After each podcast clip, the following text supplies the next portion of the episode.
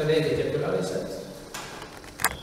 Vabade Kunstide Akadeemia jätkab meie astronoomilise avatud loengute sarjadega ja mul on eriti hea meel esitada kuulsad astronoomid ja tuntud poliitikud ja kuulsad poliitikud akadeemikud Erdmann, kes räägib elektrotähtedest. palun. aitäh. tere, tere õhtust. ma loodan, et kunagi kostümis jõuab ka siia, kui ei ole nii puudunud tema, kes istaks autos. see ei tee midagi. ma tahtsin teile rääkida elektrotähtedest. Need on niisugused ekso-, eksootilised objektid, et kui ma õppisin Moskva ülikoolis, ega meile seda neutrotähti ja niisuguseid asju ei õpetatud ja noh, hiljem pärast aru saada, et see oli väga suur põhjus. sest sel ajal oli põhiline vaatlusmeetod oli optilise läbi, läbi teleskoopi, mida siis omal ajal juba mõtles välja Galileo Galilei, nagu te teate, kes esimesena ehitas teleskoobi, aga tegelikult see oli noh, nagu öeldakse, meie silma võimekuse suurendamine, aga mitte midagi muud ja nagu pärast me saime aru, et tegelikult selle elektromagnetilise informatsiooni poolt me saime ainult võtta endale väga-väga väikse riba. kõik muu asub siis teistes lainepikkustes, aga sinnani oli vaja, vaja areneda. ja teisalt ma tahtsin ka leida ühte asja. Et kuidas ajaloost, et kuidas liigub mõte kui Newton seitsmeteistkümnendal sajandil lõi gravitatsiooniteooria, siis sajand umbes hiljem kaks, kaks teadlast, Mitchell ja Laplace, arutlesid niisuguse eksootilise situatsiooni üle, mis juhtub siis, kui, kui see gravitatsioonijõud on niivõrd tugev, et ta isegi hoiab valgust kinni. See oli täielikult niisugune teoreetiline, teoreetiline lõbus mõtlemine ja tundus, et noh, las teoreetikud siis lõbutsevad. nagu ma ütlesin, astronoomidel ei pakkunud mingit huvi ja ainus vaatlusvõimalus oli optiline teleskoop. aga mida sa tumedat taevast vaatad, vaatad? seal ei ole ju midagi vaadata. no läksid ajad edasi ja kuskohast see mõiste must auk, mikspärast ma räägin kõigepealt mustast august, sest tegelikult noh, must auk, see eksootiline tugeva gravitatsiooniväljaga objekt, ilmus tunduvalt varem kui neutrontäht. ja ilmus muidugi jällegi teoreetikute peas. aga kust see must auk tuli? see tuli juba siis, kui astronoomide kätte sattus kuuekümnendatel aastatel, tekkis juba röntgenastronoomia ja selle tegemiseks ka, et röntgenastronoomia sai sündida, oli vaja see, et et füüsikud jõu-, jõuksid, jõuaksid klassikalisest mehaanikast kvantmehaanikani vaadake, kui kõik on seotud. Te küsite minu käest, kas mustad augud ja neutrontähed, siis ei olnud ennem olemas, olid küll. aga me olime pimedad, me ei näinud neid. ja mis siis on? kas te ütlete, et see asi on olemas, kui te seda ei näe? muidugi ei ole. ja oligi kõik ja sellega oli see lõpetatud.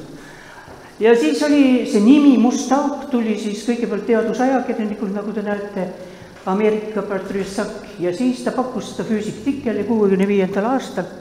aga füüsikud on üldiselt küllaltki huligaansed.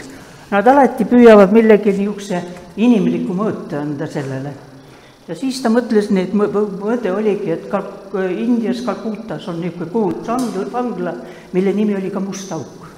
Ja miks ta sellepärast niisugune imelik nimi oli, seepärast sealt ei ole ükski vang välja tulnud kõik, mis, kes on sinna läinud, on sinna jäänud. no must auk on ka niisugune, mida sinna sisse läheb, siis ta on läinud. aga läheme nüüd natuke niisugusesse rohkem äh, lähedasse aega, see on, tähendab möödunud, ütleme möödunud sajandi algusaastad, kui siis leiti, et füüsika ei ole lõppenud, oli ju sel ajal niisugune tunne, et noh, füüsikuteks ei soovitatud kellelgi minna, et mis te seda õpetate, sest see on ju kõik teada, klassikaline füüsika on ju kõik teada.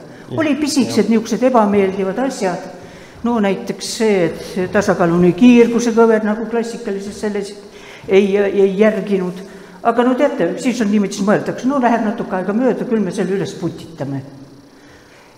ja siis tekkis kvantmaailm. ja vot kvantmaailma tekke ja kvantmaailma abiga oli, tekkis kohe võimalus, ütleme, nende neutrontähtede sünniks okay.. enne seda, seda võimalust ei olnud. ja mikspärast? sest selgus, et eh, kvantosakesed jaotatakse kahte, kahte lehte. ma ei hakka sellest pide-, palju rääkima, muidu ma ei jõuagi lõpuni. Kahte lehte, ühed on fermioonid, ühed on öö, bosonid ja faktilised nimed nad said sellepärast, et neil on, nad alluvad teatud statistikale. fermionid ühele, vastavalt Fermi, Fermi-Diraki statistika, bosonid siis Boson-Einsteini siis statistikale. ja nendel elementaarosakestel on niisugune omadus ja neil on siseomadus, neil on spinn. ja on spinn kas pooltäisarvuline või täisarvuline. see spinn jagab neid kahte lehte. fermionid on niisugused individualistid, väga halvad. vot siin oli praegu noh, võib-olla vot Mihhail saab olla fermioon, tema istub siin üksinda ühe koha peal no teie saate olla, kui te istuksite äh, energianivool, igal energianivool saab olla kaks fermioni, spinn siia või sinnapoole kahe orientatsiooniga.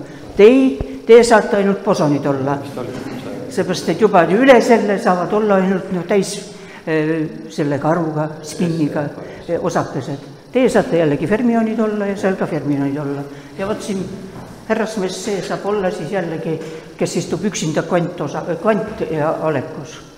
energiat selle peal ja mis see annab siis?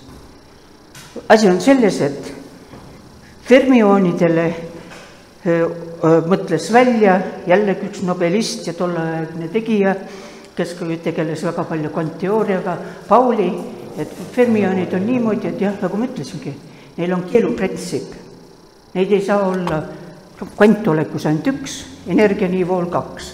ja oletagu nüüd niisugust situatsiooni, meil on suur massiivne, massiivne keha, nagu meil on täht, ja kus on niimoodi, kus hakatakse kokku suruma ja seal on siis niimoodi, mida need fermionid teevad. kõigepealt kõige nobedamad rabavad ära kõige alumise energia või nivoo. teistel pole midagi teha, nad peavad kõrgemale minema, lähevad, lähevad, lähevad, neil tekib väga võimas energia, neil tekib ka selle tõttu rõhk ja teatud momendil ongi nii, et, et enam ei ole vaja rõhku, mida teeb tavaline ideaalne gaas, kus on temperatuur vajalik. on ele-, elektronide rõhk. ja vot seda nippi kasutas ära, näpp kasutas ära tol ajal väga noor ja ausalt öeldes teoreetikud peavadki noored olema, sest nad ei ole siis ära rikutud. Nad ei ole ära rikutud teadmistega ja tol ajal väga noor Tšentrassekar, kes oli sel ajal kahekümne kahe aastane muidugi peab olema hiilge talant ka veel juures. ja olid niisugused tähed, mida siis optilised astronoomid teadsid, valged kääbused, aga mis olid hästi, hästi tihe, ütleme, väikese raadiusega. Ja see tähendab, nad peavad olema väga tihedad. sest vaadati, hinnati ära, kui palju seal mass on selle sees ja peab olema tihedad tähed. ja küsimus on selles, et olete küsinud, miks päike nii kaua seisab koos ja ei kuku kokku tal on ju niimoodi, väljaspoolt teda surub, nagu öeldakse, tema gravi-, oma gravitatsioon tahab kokku suruda. ja kui seal ei ole mingisugust vastujõudu, siis päike paari väga lühikese aja peale kopsatab kokku ja ütleme, meie, meil on ka see finitum, meie elu. no ei ole enam toredat päikest, me võime küll talle öelda väga halvasti, ta teeb väga palju võib-olla ebameeldivaid asju, aga ilma päikesteta ei ole meil ja selle tõttu, selle tõttu tähendab need kaks võimsat jõudu, see, mis tekib päikse sees, termotuuma põlemine, sealt see energiavoog tuleb välja ja tekivad siis rõhugradient ja see on tasakaalustatud täpselt gravitatsiooniga kokkusurumisega. niipea, kui see tasakaal rikutakse, nii hakkab kohe igasugused ebameeldivused. ja seesamane asi Äh, asi võttis arvesse ka Tšentšekar. miks need valged kääbused ei kuku kokku? seal ei ole ju seest mingisugust energiaallikat, miks ometi? Ja vot siis ta rehkendaski välja, et valgeldadel kääbustel tõepoolest hoiab see elektronrõhk, hoiab seda, suurt massi üleval ei lase gravitatsioonil kokku kukkuda, aga mitte ka lõpmatuseni. selgub, et on olemas, et on olemas piirmass, oi vabandust, tagasi, et on olemas ka piirmass, see on umbes üks koma neli päikesemassi ja kui me viskame sellele, sellele massiivsele valgel kääbusele ühe grammi peale, siis ta kukub kokku. sest enam gravitatsioon ei ole, tähendab, see elektronide rõhk ei jõua teda vastu pidada. nii, aga nagu öeldakse, elu läheb edasi ja kolmekümne teisel aastal Chadwick, siis ta oli veel Chadwick, aga pärast oli ta Sir, kuna ta sai ka Nobeli preemia, avastas neutraalse osakese neutron ja jällegi tema spinn oli pooltäisarvuline. teoreetikud olid nagu hagijad kallal. üks esimesi oli, oli Nõukogude Liidus tookord ka üks väga väljapaistev füüsikteoreetik Landau, kes siis väga kiirelt rehkendas välja, no mis tal enam rehkendada oli. Chandrasekhar oli juba kõik ette ära teinud, tema pani ainult massid erinevad. rehkendas välja, no kuna elektronimass ja neutroni mass olid erinevad umbes, umbes kümme tuhat korda, siis panid välja, äh, rehkendas välja, et neutronid võivad ka olla stabiilsed. võib ehitada sellise konfiguratsiooni, et nad hoiavad üleval gravitatsiooni, ei lase seda kokku kukkuda. täpselt samamoodi, nii nagu elektronid hoiavad. ja selgub, et äh, pärast juba hiljem, opa, jälle ma lähen vale sellega ja pärast juba hiljem väga põhjalikult selles otsimise peale või peale uurimise peale selgus, et kriitiline mass neutrontähtele, kui ta kopsatab kokku musta auku, on kuskil ühe koma viie kolme massi vahel. aga kõik oli samasugune. võeti lihtsalt, no saate aru, kolmekümnendal Chandrasekhar tegi teha, ka paar aastat hiljem, no see oli nagu ausalt öeldes minu meelest nagu oli toodud sulle tort, tee aga ära. No tega, ega tegid peale Landau teised ka, aga noh, kes on ees, see on mees. nii, mida siis need, need neutron tähendab? kas neil on, oli parem, tähendab, nagu öeldakse, tulevik võrreldes mustade aukudega. mustad augud sel ajal olid täielikult nagu öeldakse, vabandust.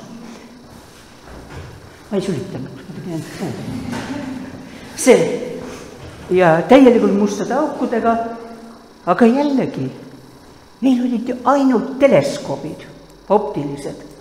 ja mida see niisugune, kuna rehkendati välja, et neutrontäht, kui ta on päikesemassiga, teda surutakse kokku, mille raadius on kümme, kümme kilomeetrit umbes.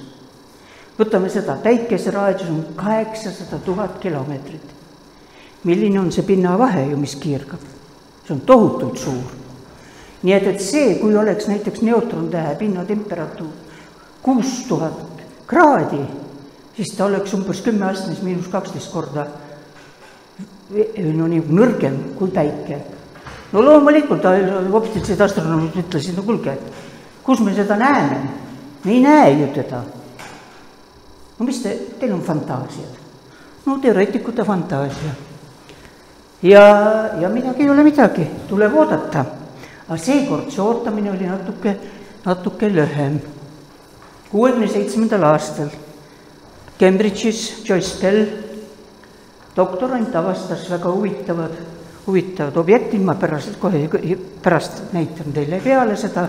mina olin sel ajal, eh, kui see teada sai, jõudis Moskvasse, see oli esimene kord, kui astronoomid varjasid midagi, mida nad olid leidnud ja mille pärast selgus, et mõeldi, et see on maaväline tsivilisatsioon. ja mis siis oli? Tol korral räägiti väikestest rohelistest mehikestest, ma praegu soovitan väga mitte seda kasutada, seepärast et me teame, et on rohelised mehed, mehikesed ka mitte väikesed ja täitsa reaalsed. no aga tol ajal oli niisugune mõte ja kui see tuli Moskvasse, see oli muidugi, ma tulet-, mul on meeles siiamaani Eh, oli üks ülelinnaline seminar, ma olin vist neljanda kursuse tudeng, see suur saal oli, ütleme niimoodi, et isegi riputi üleval kuskil niimoodi, sest see oli midagi võimsat, mis oli siis, pidi tulema. ja keegi ei saanud aru, mis asi seal niisugused lühikesed pulsatsiooniperioodidega asjad on, kohe näitan edasi, vaadake, siin on siis needsamad pulssarid, vaadake, niisugused pulsid tulid iga ühe koma kahe sekundi umbes pärast, vot sellised. ja keegi ei jaganud ära siis, mis asi see on, neutrontähed, et kas on neutrontäht. ja äh, akadeemik Seldovitš, kes oli üks, no ma, ma ütlen, üks väljapaistvamaid, võib-olla neid viimaseid absoluutselt noh, niisugused teoreetikud, füüsikud, teoreetikud, kes võis ükskõik kus kohas füüsikas töötada. ja mis kõige huvitavam oli, tal ei olnud, kuna ta ei ole saanud üldiselt ülikooliharidust. ta on keskharidusega, aga saad aru, selleks peab olema ka hiigeltalent. ja, ja tema oli kes, kes igalt pool, ta töötas pommialal, ta töötas igal pool ja eks ta siis põrutas, kuigi ta pidas ennast Landau õpilaseks, tema siis leidis, et et siin on valged kääbused, vaadake, inimesed ikkagi väga tihti mõtlevad selle peale, mis on olemas juba. mõtlesid siis, et see on valgete kääbuste kõrgemad harmoonikud, kuigi see oli selge, et no see on jube raske hoida, hoida neid kõrgeid harmoonikuid nii suure täpsusega. no ja, ja, ja siis, vot see on esimene, kus ma ei ole, ma püüdsin leida, et kas ta on kuskil, ka seda püüdis publitseerida, aga ta sai ruttu aru, et ta, no ta oli nii puusse kui puusse, tähendab, ja siis ta pärast ikka mitu korda ütles, et see oli tema kõige lollem, lollem mõte, aga vot ta oli niimoodi, ta tahtis olla esimene. ja vaadake, mõnikord esimene olla tuleb natuke kümme sekundit rohkem mõelda. ja, ja see, see viiski selleni, et noh, et, et see valgete kääbuste asi lendas muidugi vastu taevast ja ameeriklased väga kiiresti jagasid ära, et äkki, et äkki see on see kadunud poeg või tütar mida füüsikud, ütleme kolmkümmend aastat tagasi pakkusid välja. ja seda ka kadunud poeg ja tütar niimoodi lupski tuligi siis meie ette ja siin on siis nüüd ma näitan seda, see on nüüd see neutrontähe, vaadake see mudel, see on siis neutrontäht, see on pöörlev neutrontäht, ta on väga väike, selle tõttu ta saab pöörelda niisuguse suure pöörlemiskiirusega. sest kui te meie päikest panete sellisel kiirusega pöörlema, siis temast jääb järgi ainult no ma ei tea, mis, noh, ütleme niimoodi, siis jälle meil ei olnud probleemid. aga päike ei hakka iialgi niimoodi pöörlema. nii, ja siis on sellel, on ka, on ka tugev magnetväli, on tugev magnetväli, näete, siin on selles magnetväljad ilusti, siin ta pöörleb ja siit tulevadki see, need raadiolained, mida siis, mida siis äh, avastatakse. ja kõige huvitavam oli selle, selle juures oli see, et eh, noh, kui mõelda alguses, et võivad olla mit-, maavälised tsivilisatsioonid ja täitsa jumala tõsiselt mõeldi, no ei saa olla nii täpsust, sihakest, ilget täpsust ei saa olla. see ei saa olla loomulik, see ei saa olla loomulik. Aga siis vaadati kogu taevast ja siis vaatasid äkitselt, seal on ikka palju niisuguseid imelikke, no teate, tõenäosus, et äkitselt kogu see maailm hakkas nüüd otsima jõudis meie juurde, et saadavad kogu aeg meile signaale, see oli, seda siis kõik võtsid, et see ei ole, see ei ole see tõsine, tõsine asi. Ja jõutigi selle peale, et noh, me oleme siis kätte saanud need, need nähtamatud objektid. Ja see oli väga vahva. Siin hakkas äh, uus, uus aeg ka kaasaegses astrofüüsikas me jõudsime nüüd relativistlikusse astrofüüsikasse, kus olid kõik see eksootika ja äkitselt hakkas tundma, et aga ka mustad augud on võimalik vaadelda. aga mustadest augudest ma täna teile palju ei räägi. aga kui te tahate teada, vaadake, siin on üks pisike viga. ma ei jõua ära parandada pidevalt, kui palju on inimesi maa peal, nüüd juba pidi olema seitse koma seitse miljardit. Kui ma kunagi sellise mudeli välja pakkusin kahe tuhande neljandal aastal, siis oli mul kuus miljardit ja minu meelest see on asi, mida, mille peale tasuks natuke rohkem mõelda. me rohkem mõtleme, miks meid eestlasi nii vähe on, aga see, et meil on liiga palju inimesi maa peal, me ei saa ju mõelda ainult, et me elame siin ühes koha peal ja oleme rõõmsad. see on tõesti tõsi, tõsine asi. ja kuuekümnendatel aastatel, kui oli Teie, no muidugi seda ei tea, oli niisugune tore film Ühe aasta üheksa päeva, minu teada. Sina peaksid olema näinud, nägema seda. jah. Ja siis sel ajal arutati, siis oli minu teada kolm miljardit inimest maadel. nii et asi on tõsine, aga te, kui te tahate kellelegi selgitada, mis on neutrontäht, siis teeme niisuguse verise, verise eksperimendi, võtame siis kogu selle kogu selle pande, mida nimetatakse maaelanikkond, no mul on see väike viga sees, aga noh, jumal temaga, ja teeme nüüd, teemegi, et las nad lähevad kõik ühte kuupsentimeetri. ja vot see tihedus, mis sellel tuleb, on umbes neutrontähe, ütleme, sisemuse tihedus. nii et kui me pakiksime ennast kokku ühte kuut, kuupsentimeetrisse, vaadake, kui palju jääks ruumi üle igale poole. aga ei tasu, ei tasu seda teha. Aga noh, see on niisugune näide, et noh, mis, mis, mis näitab seda, millised suured tihedused on neutrontähtede sees. nii, kuid ma lähen nüüd hüppan kohe täheevolutsiooni peale.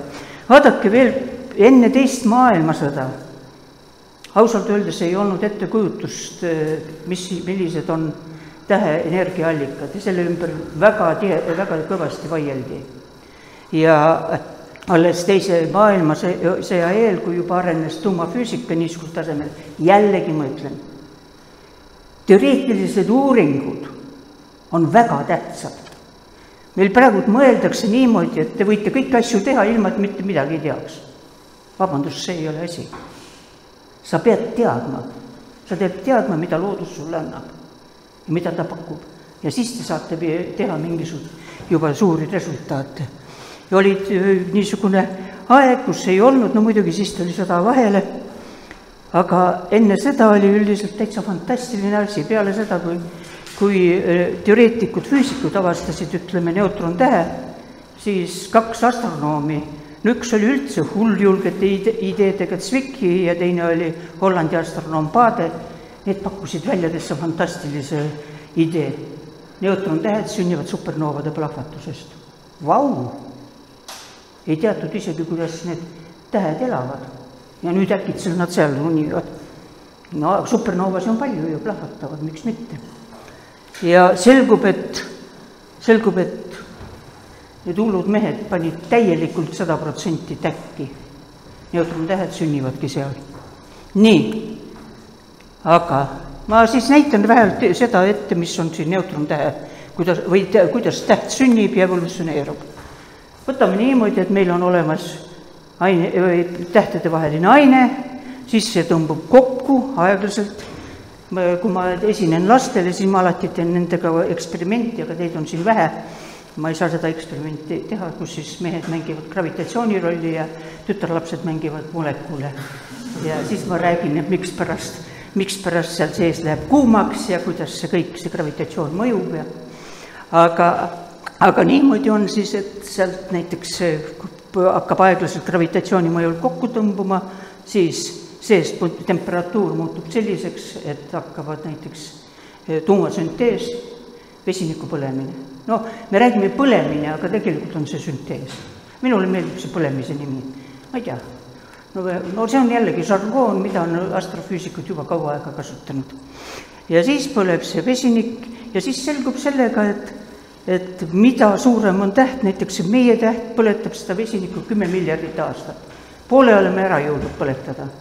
Nii et kui minu käest küsitakse, millal tuleb maailma lõpp, ma ütlesin, ma tean seda väga hästi, ma olen isegi välja rehkendanud, ma tean, no tähendab, maailma lõpp selles mõttes, et meie maa lõpeb ära, see on siis, kui meie päike lõpetab oma vesiniku põlemise, kõik, siis on finito.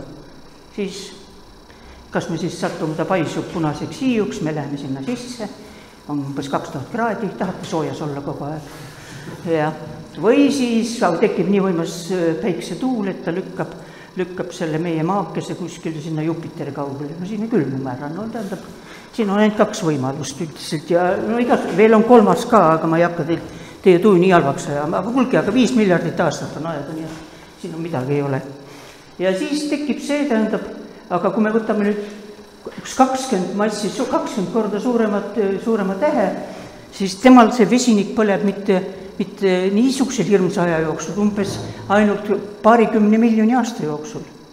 ja siis ta jõuab läbi käia kõik selle, kuni sisse siis tuleb, vot ma näitan teile siis, mis tema sees on, siin on kõik siis ütleme, vesiniku põlemine, heeliumi põlemine, süsiniku põlemine, hapniku põlemine, neoon ja nii edasi ja siis tekib see pisikene, pisikene see rauatuum, kus juba siis enam see rauatuum ei pea vastu, seepärast tal ei ole enam mingisuguseid energiaallikaid ja lihtsalt ta neelab seal energiat sisse ja lõpuks ta hakkab see, hakkab ta kollapseeruma. ja või siis selle juhul e eraldatud energia on tohutult suur, ma kirjutasin astmes, ma ei mäleta, kuidas see panna, kümme millegisse. näete, on kümme, kümme astmes viiskümmend kolm järgi ja tohutult hulk viiakse ära neutronite, neutriinode poolt. ja siis oli uuesti kaheksakümne seitsmendal aastal, kui siis esimest korda jälgiti, kuidas neutrontäht sünnib, see oli muidugi tegelikult sada seitsekümmend tuhat aastat tagasi ja see oli väga huvitav, kaheksakümne seitsmendal aastal see kõige meie lähedasem supernoova, mis oli väljaspool, ütleme, mis on kaasaegselt nähtud, oli äh, suures Magelasi pilves, Magelasi pilves ja see plahvatas kahe, tähendab, ei plahvatanud, aga informatsioon jõudis meile kahekümne kolmandal veebruaril. suur tähistus oli siis, meil oli sel ajal olid niisugused ilusad, armee aastapäeva puhul tuli see.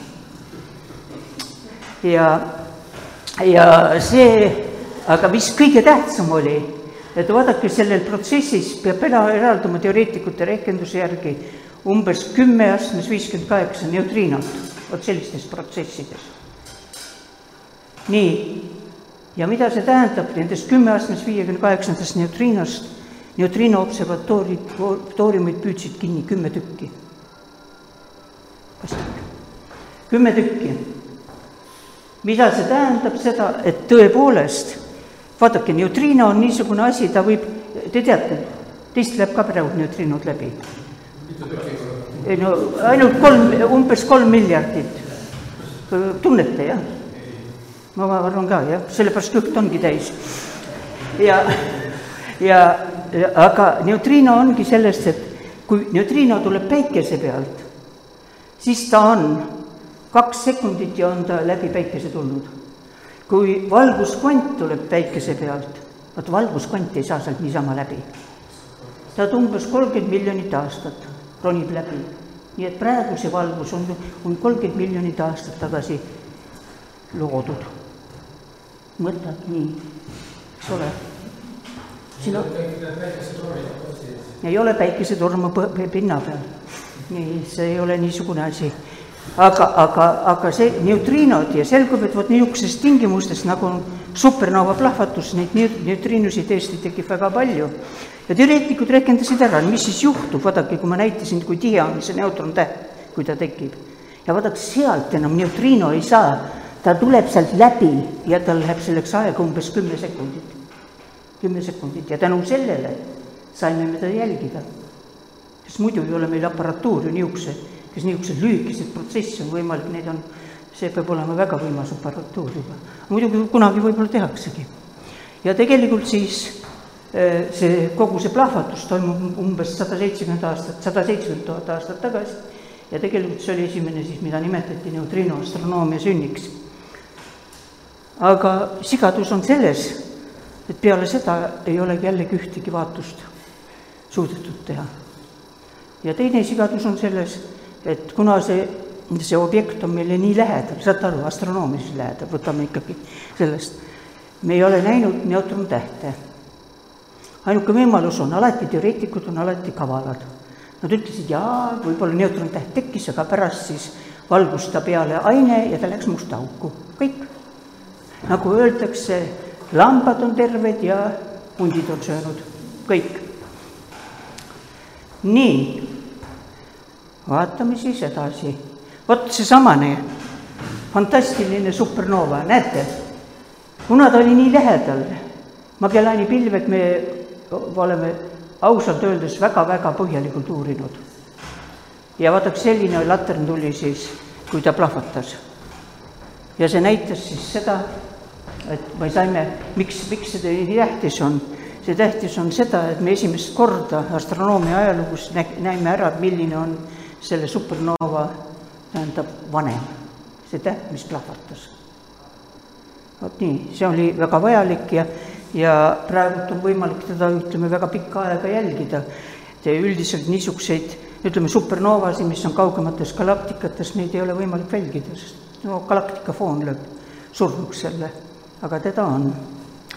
nii et, et see oli üks tore objekt, andis paljudele ja see, et tõepoolest supernoovadest plahvatavad, on on meil leid-, leiti siis ka krabiudu pulssar, krabiudus pulssar. vaadake see, see pulssar, siis on näha, näete, siin on ilusti näha, kuidas see pulss, pulseerib. tähendab tõepoolest sup- ja krabiudu on ka ühe supernova jääk, ainult väga tunduvalt vanem muidugi kui see kaheksakümmend seitse A. ja siin tõesti oli see näha ilusti. nii et ikkagi alati tuleb öelda, et tugev, võimsad tähed, võimsad tähed olid ka Paade ja Zviki, kes sellise asja välja mõtlesid. see on täitsa vapustav. kui üldiselt palju asju oli veel teadmata. oli tuumasüntees oli veel üldse teadmata isegi, välja arvatud vesiniku põlemine. aga läheme nüüd niisuguse asja juurde, et kus me saime veel lisaks juurde, on kaksiktähed. ja vaadake, üldiselt astronoomide maailmas arvatakse, et need enamik tähti on kaksiktähed.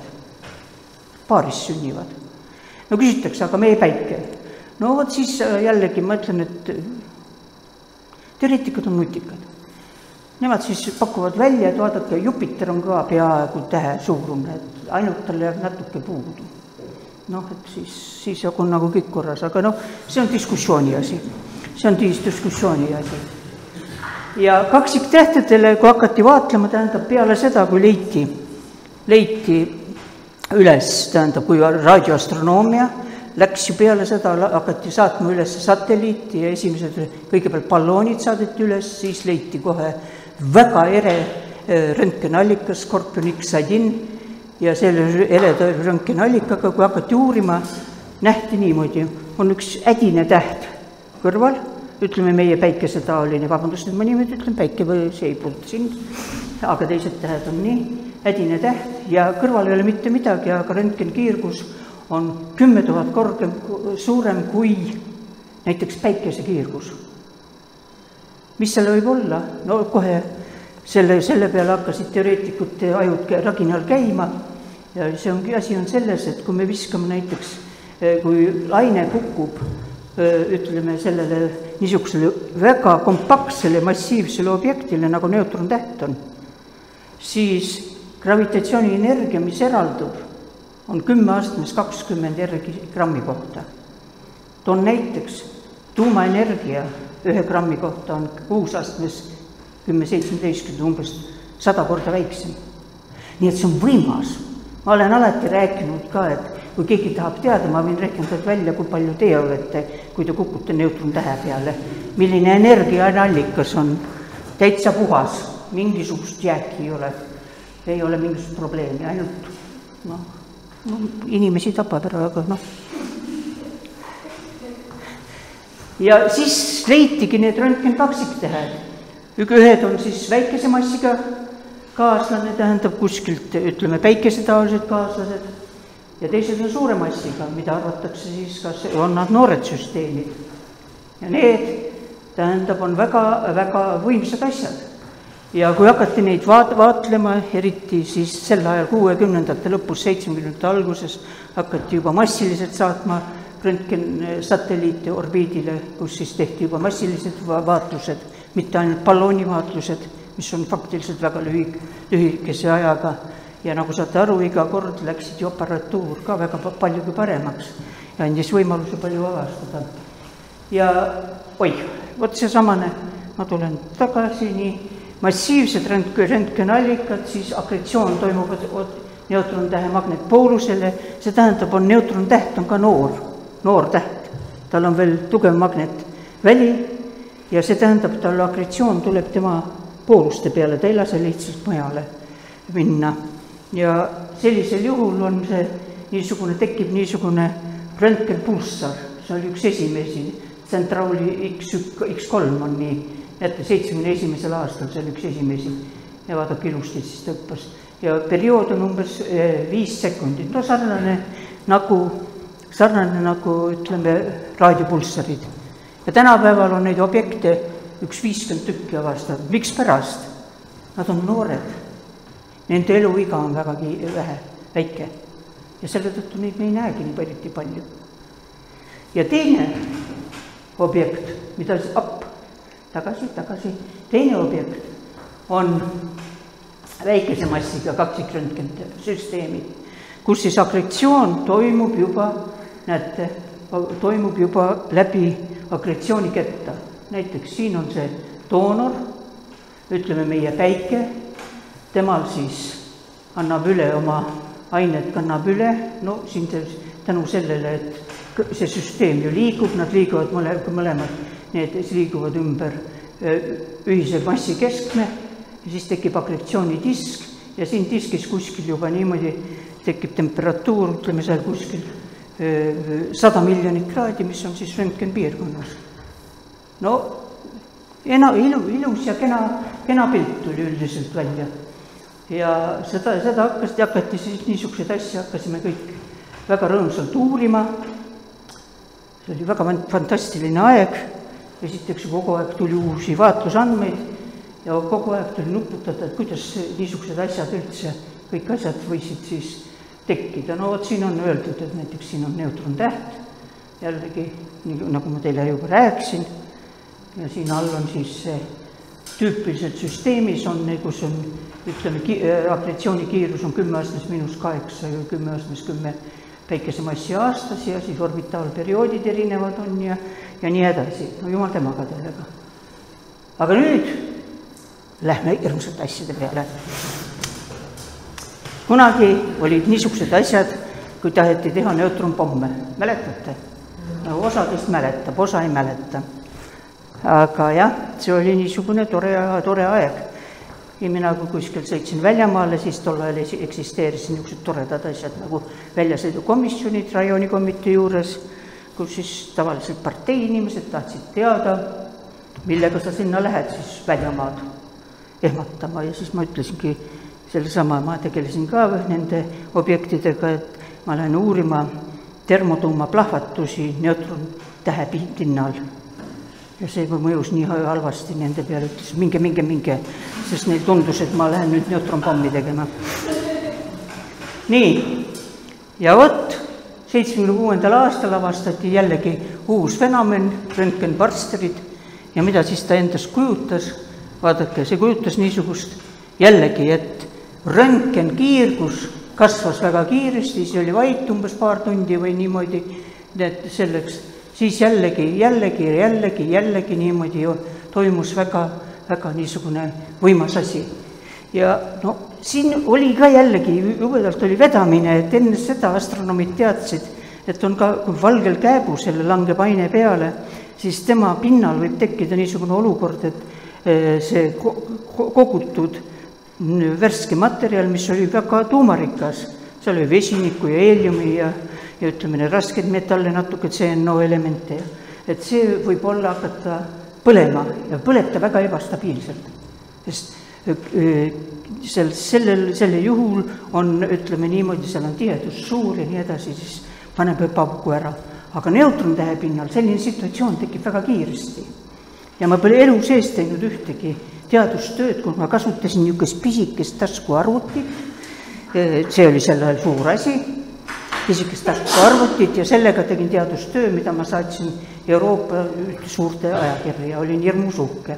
aga nagu alati, see oli, nagu öeldakse, kui teil tekib alguses võimalus ja kui kiiresti midagi reageerida, aru saada, et see võib töötada, see on nagu koore võtmine ütleme, piima pealt aga selleks, et juba sügavamalt sisse saada, siis oi, siis selgus, et see on väga keeruline asi. Aga sellegi peale me saime seda, sellega hakkama ja midagi niisugust, no tegime need mudelid ära, aga need olid tõelised tuumapommid. Need on tõeliselt tuumapommid, mis panevad põmm-põmm-põmm ja väga huvitavalt on ka veel see, oih, lähme tagasi, väga huvitavalt on ka see, et seal toimuvad igasugused huvitavad tuumaprotsessid kui see põlemine hakkab peale, mida nimetatakse kiireteks eh, pro-, prootoni haara, haaramise protsessideks, sest tavaliselt eh, niisugust protsessi ei toimu kuskil mujal.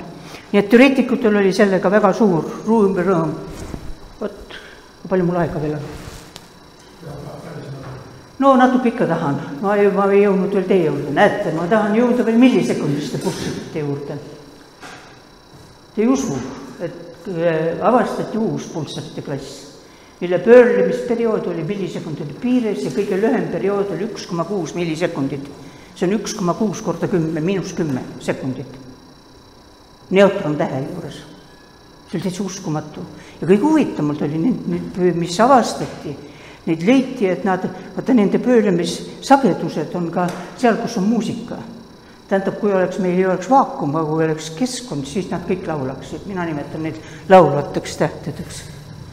nii, ja no ütleme, see on jällegi seesamane kaksiktähe süsteemis, aga vot siin on näha, näidatud seda millisekundist pulssarit, no samamoodi, et näete, siin jällegi kompanjon paneb peale neutrontähele ja siis tekib siis see ja siis ta kiirendab, seepärast et jällegi see suur liikumishulga moment, mis kantakse üle, see annab võimalusi kiirendada, kiirendada seda väikest neutrontähte väga suurte, suurte kiirusteni ja kohe ma hüppan sealt natuke edasi ja vot siin on üks väga huvitav, väga huvitav pilt. opa, tagasi, siin on väga huvitav pilt, kus on, siin on näiteks, te näete, kõik need tavalised pulssarid, mida esimesena siis avastati. Nende pöörlemisperiood on kus sekunditest ja kümnenda sekundini.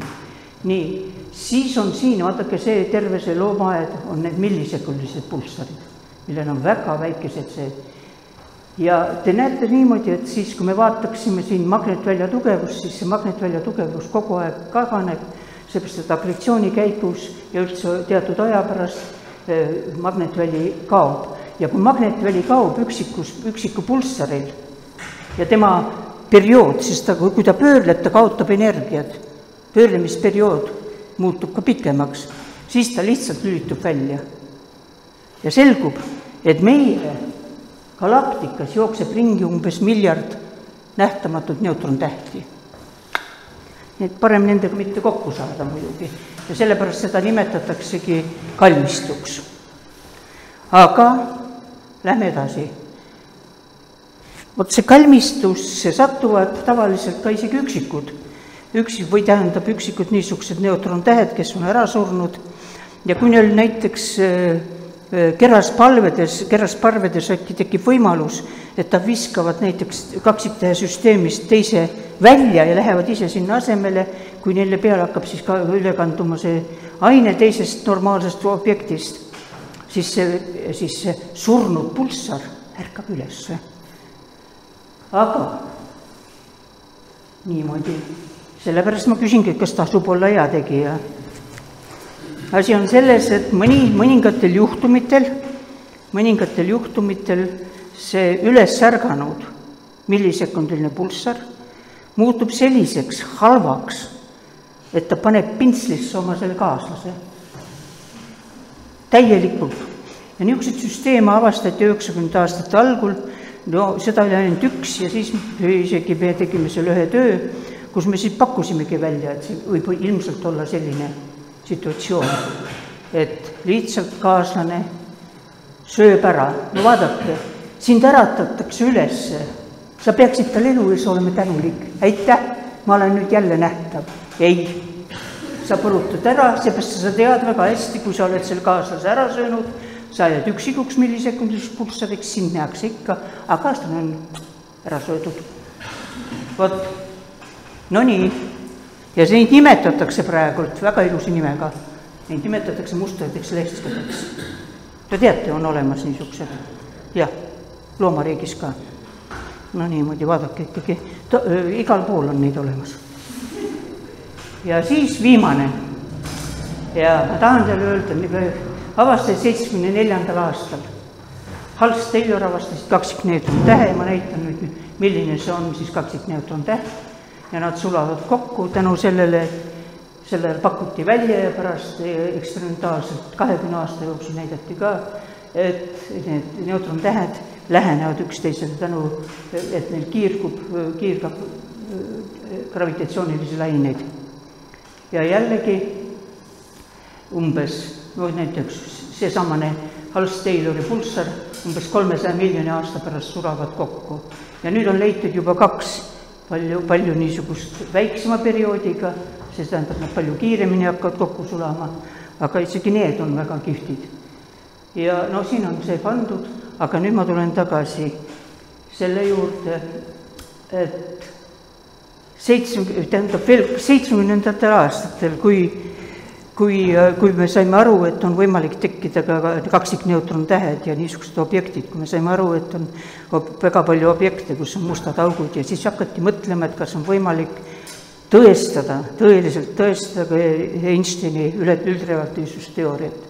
mina isiklikult, minu oma doktoritöös ma kasutasin ka Einsteini üldrelatiivsusteooriat selles mõttes, et noh, et kui kaks valget kääbust lähenevad üksteisele või valge kääbus ja neutrontäht. Ja ma mäletan, ma tükk aega ühe akadeemikuga vaidlesin, kes ei uskunud sellesse, ta ütles, seda ei ole nähtud ju, ei ole nähtud. ja sina kasutad. no mina kasutasin. No pärast ta ütles, ma ütlesin, noh, ta siis ütles, ah, teie teoreetikud midagi ei jaga, olgu pealegi, ma ka, ka küll neelasin seda alla, et ma midagi ei jaga, aga üldiselt saime hakkama. ja vot see neutrontähtede kokkusulamine andis nüüd viimasel, tähendab, möödunud aasta me nägime, tähendab, üldse fantastilist pilti, kui näiteks äh, röntgen, gravitatsiooni, kõigepealt oli, kui tegi gamma, gammasähvatus, siis Liiga Virgo kes on siis gravitatsioonilainete detekteerija, sai täpselt samasuguse ajal ja röntgenpiirkondades said täpselt, no ütleme, gammapiirkondades juba väga, väga kõrgetel energial samasuguse asja.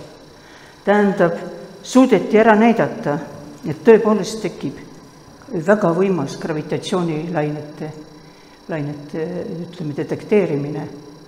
ja mis näitab ära niimoodi, et näitas ära, et no et sellised asjad juhtuvad. loomulikult need juhtuvad üldiselt harva, aga kui me võtame kogu seda suurt meid ümbritsevat universumit, siis on meid võimalik jälgida ja nüüd on juba jälgitud ikkagi päris mit-, mitu toredat, toredat seda nähte, nähte. samamoodi on leitud ju kahe musta augu kokkusulamine, jällegi väga võimas. nii et, et aa, voh, ma ütlesin, ma jätan lõpuks ikka midagi niisugust, mis kohe, vaadake, kõikidel tekib niisugune kohe tunnetus, et no teate, oli kullapalavik Ameerikas, mina pakun välja, et, et ma tean nüüd täpselt, kus on võimalik kätte saada kulda ja selgub, et neutrontähtede, neutrontähte kokkusulamisel tekib palju raskeid metalle ja sealhulgas ka kulda. see ei ole nii lihtne elementi luua, kui te mõtlete niisama, et ei olnud, kulda jäi puudu. me teame, kui palju kulda on üldiselt kosmoses, jäi puudu. Me ei osanud rehkendada seda ja selgus, et neutrontähtede kokkusulamisel tekib, tekib, tähendab palju kulda, lähme kulda otsima, no kolmsada miljonit aastat on mööda läinud, saate aru, selle koha pealt on juba kõik ära läinud. ja siin on siis näidatud seesamane, et kuidas see kuld on näiteks, kuldse, kus see kullakene mul on, vot siin on kuld ja vaadake, see pruun osa, see näitab, et see tekib siis, kui kaks neutrontähte kokku sulab. vot see kõik need selgused on palju, palju, palju raskeid elemente tekivad sel ajal. aga mis kõige tähtsam on see, ikka kulda palju tekib. ja selleks ongi arvatud, et kunagi veel kaks neutrontähte sulas väga lähedal meie, enne kui meie maa tekkis, et siis selles aines oli ka väga palju kulda aga ma usun, et kindlalt palju igasuguseid huvitavaid asju on veel, tohutult palju veel ees. me kogu aeg teeme väikese sammu ja saame, saame jälle natuke midagi teada ja see on fantastiline töö, tee uutele asjadele. ma, ma ei räägi enam rohkem nii, aitäh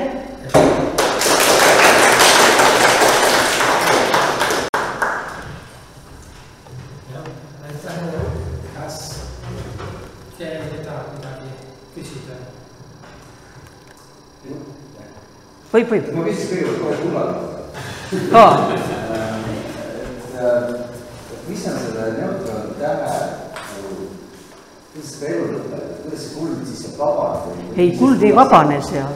aga saate aru, see, see on, see tähendab, võib toimuda selline tuumaprotsess, tal pinna peal on vot veel raskeid elemente ja seal tekib tohutult palju neutroneid see neutronide voog aitab üle, sest kuld on ju väga, väga värske element üldiselt, sa pead neid neutroneid kuskilt leidma. näiteks supernova plahvatuses seda ei ole nii palju neutroneid. see on niisugune, no siin on näha selle, selle peal, kus igasuguste, kus mida tekivad igasugune, no näiteks massiivsetes tähtedes on seal näidatud, vot see, vaadake, siin see sinine on, mis tekivad ainult, no ütleme, sinised osa, mis tekib, teatud määral tekib sellest suure, suure paugu ajal, no näiteks vesinik, ürgvesinik, heelium, liitiumid natukene ja nii edasi. siis no ütleme siin teatud asju tekib seal, kui kosmilised kiired purustavad, siis kui massiivsed või väikese massiga tähed suruvad, on jällegi teatud see kollane, tekivad mõningad elemendid. ja vot niimoodi nendesse tekib see suur hulk, aga kullaga oli probleemi, jah. Aga noh, me kõik ütlesime, no las ta on, ta on olemas ja. ja seda kulla kätte ei saa. no oota, no ma ütlen, minge sinna seal. kolmkümmend, kolmsada miljonit aastat tagasi, ma võin täpselt öelda, kus kohas see metalle. ei, ma ütlen, selles mõttes just tegelikult huvitav see, kuidas siis neutroni täht lõpetab. neutrontäht võib lõpetada, ma ütlen, võib, võib rahulikult ära surra, vanadussurma ja me ei tea selle, aga senikaua vaadake, neutrontäht on niisugune objekt, kui ta eh, on, jääb üksi isegi, tal magnetväli peaaegu ei ole, tal ei ole peaaegu seda, ta, ta pöörlemise kiirus on väga aeglane, ta ei kiirga kuskil mujal ja selle peale on ta pinnatemperatuur ka väga madalaks läinud. see on see surnuaias jah, seal nad istuvad siis, no surnuaias, no normaalselt, normaalne, kuulevad. aga kui keegi seda sealt surnuaiast üles korjab, vaadake, siis te võite saada veel ise minna sinna surnuaeda. Nii, mis, kuidas see oli, see footon, mis praegu maale jõuab, on kolmkümmend miljonit aastat tagasi päiksele tekkinud? mitte prooton, valguskvant, footon jah, jah. no seepärast, et vaadake, see on, see on tihe aine. valgus, valgus ei tule niimoodi, et ta, kui tihedast ainest valgus neeldub, kiirgub, neeldub, kiirgub ja selle, see on, see on pikk tee ju. ta peab tulema läbi kaheksasada tuhat, raadius on ju kaheksasada tuhat kilomeetrit. Selle päikse. läbi kogu, kogu selle. ta ei saa nii kiirelt tulla. ja see on jumal tänatud, vaadake, kui ta oleks, tuleks seal sellise energiaga, nagu on praegult pä-, päikese sees, umbes kümme, viisteist, kuusteist miljonit kraadi, siis me oleksime siin kõik nii ära küpsenud, et kohe süüa ei olnud. ja ei, ma kardan, et meil, meid siin lahutatakse siis päriselt no niisuguseks. Nii et, et see on, see on jällegi üks looduse niisugune, niisugune asi, et see, see on jah, see hoiab ilusti kinni, mul kunagi ma ikka oli, ma ei tohi öelda nüüd, Postimehes oli niisugune artikkel, päikese pinnatemperatuur on kümme või miljon kraadi. kuulge, te segasite ära krooni temperatuuri. ja kroon ei ole ka, ütleme, termodünaamiliselt tasakaalus temperatuur, nii et nojah, tema sellega ka juhtub vahel, eks ole nii, on veel.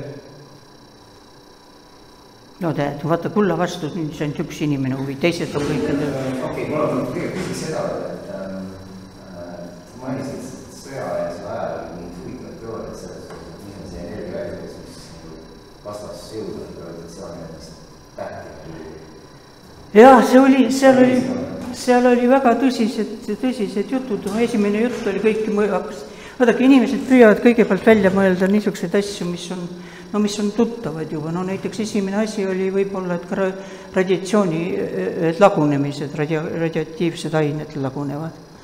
no see ei tulnud, seepärast et äh, väga hästi oli näha, oli näha, et ikka päike on ju väga pikka aega juba eksisteerinud siis hakkaski selle peale ja siis hakkas tasahil juba veerema see kivikene, juba siis hakati tuuma, tuumareaktsiooni hakati uurima, vaata see oli ju kolmekümnendate aastate lõpp, kui esimesed, esimesed nii PT kui ka teised juba hakkasid selle termotuumareaktsioonidega tegelema. ja siis peale seda ju no ütleme, termotuumapommi tegemiseks oli ju see, muidugi siis nad leidsid, et see on parem on võtta, kui seal aatomid la-, lagunevad see, see raskete, neutronitega aatromid ja siis tuli see uraani ja plutooni ja niisugused asjad. aga, aga tähendab, et see süntees, süntees hakati, jõuti selle peale, aga näiteks ma ütlen, et tõsised, tõsised probleemid olid, kuidas sünteseerida süsinikku. seepärast, et süsinikul kõik, tähendab, kui heelium kaks heeliumit tulid kokku, siis tekki-, tekkis ebastabiilne element ja see lagunes kohe. ja kaua aega oli siin, see oli väga suur probleem, Fred Hoyle oli üks, kes, kes siis pakkus välja selle täitsa uskumatu asja, et võib-olla tuleb kolm heeliumi aatomit kokku. ja selle, selle protsessi tõenäosus on kümme astmes miinus kuusteist. aga astronoomias on üks niisugune kaval nipp, seal on nii palju neid osakesi ja see kompenseerib ära seda, vaata seda mõnikord isegi geniaalsed füüsikud ei jaga seda ära. seda on arvutada, aga seda on vaja ka tunnetada seda, et astronoomias tähendab nende, nende arvude suurus on hoopis teistmoodi, kus siis üks arv kompenseerib teise suurepäraselt ära ja see, mida võib öelda, et, et absoluutses väärtuses, no nagu see ongi, et see tõenäosus kümme miinus kuusteist, no mis asi see on? huomamatu asi, noh. Ja vot see on, see on see siis ja siis läks edasi juba see uurimine ja siis hakkas uurima, noh, siis vaadake, see pakkus ju huvi ja kõikidele pakkus huvi ka sõjameestele, et ikkagi, kuidas saada neid raskemaid elemente ja nii edasi. Sest kahjuks on kõik väga paljud asjad ka niisugused, kus treeb, kus vajatakse suurt finantseerimist, on seotud ka sõja peale on kõik valmis jube palju panustama.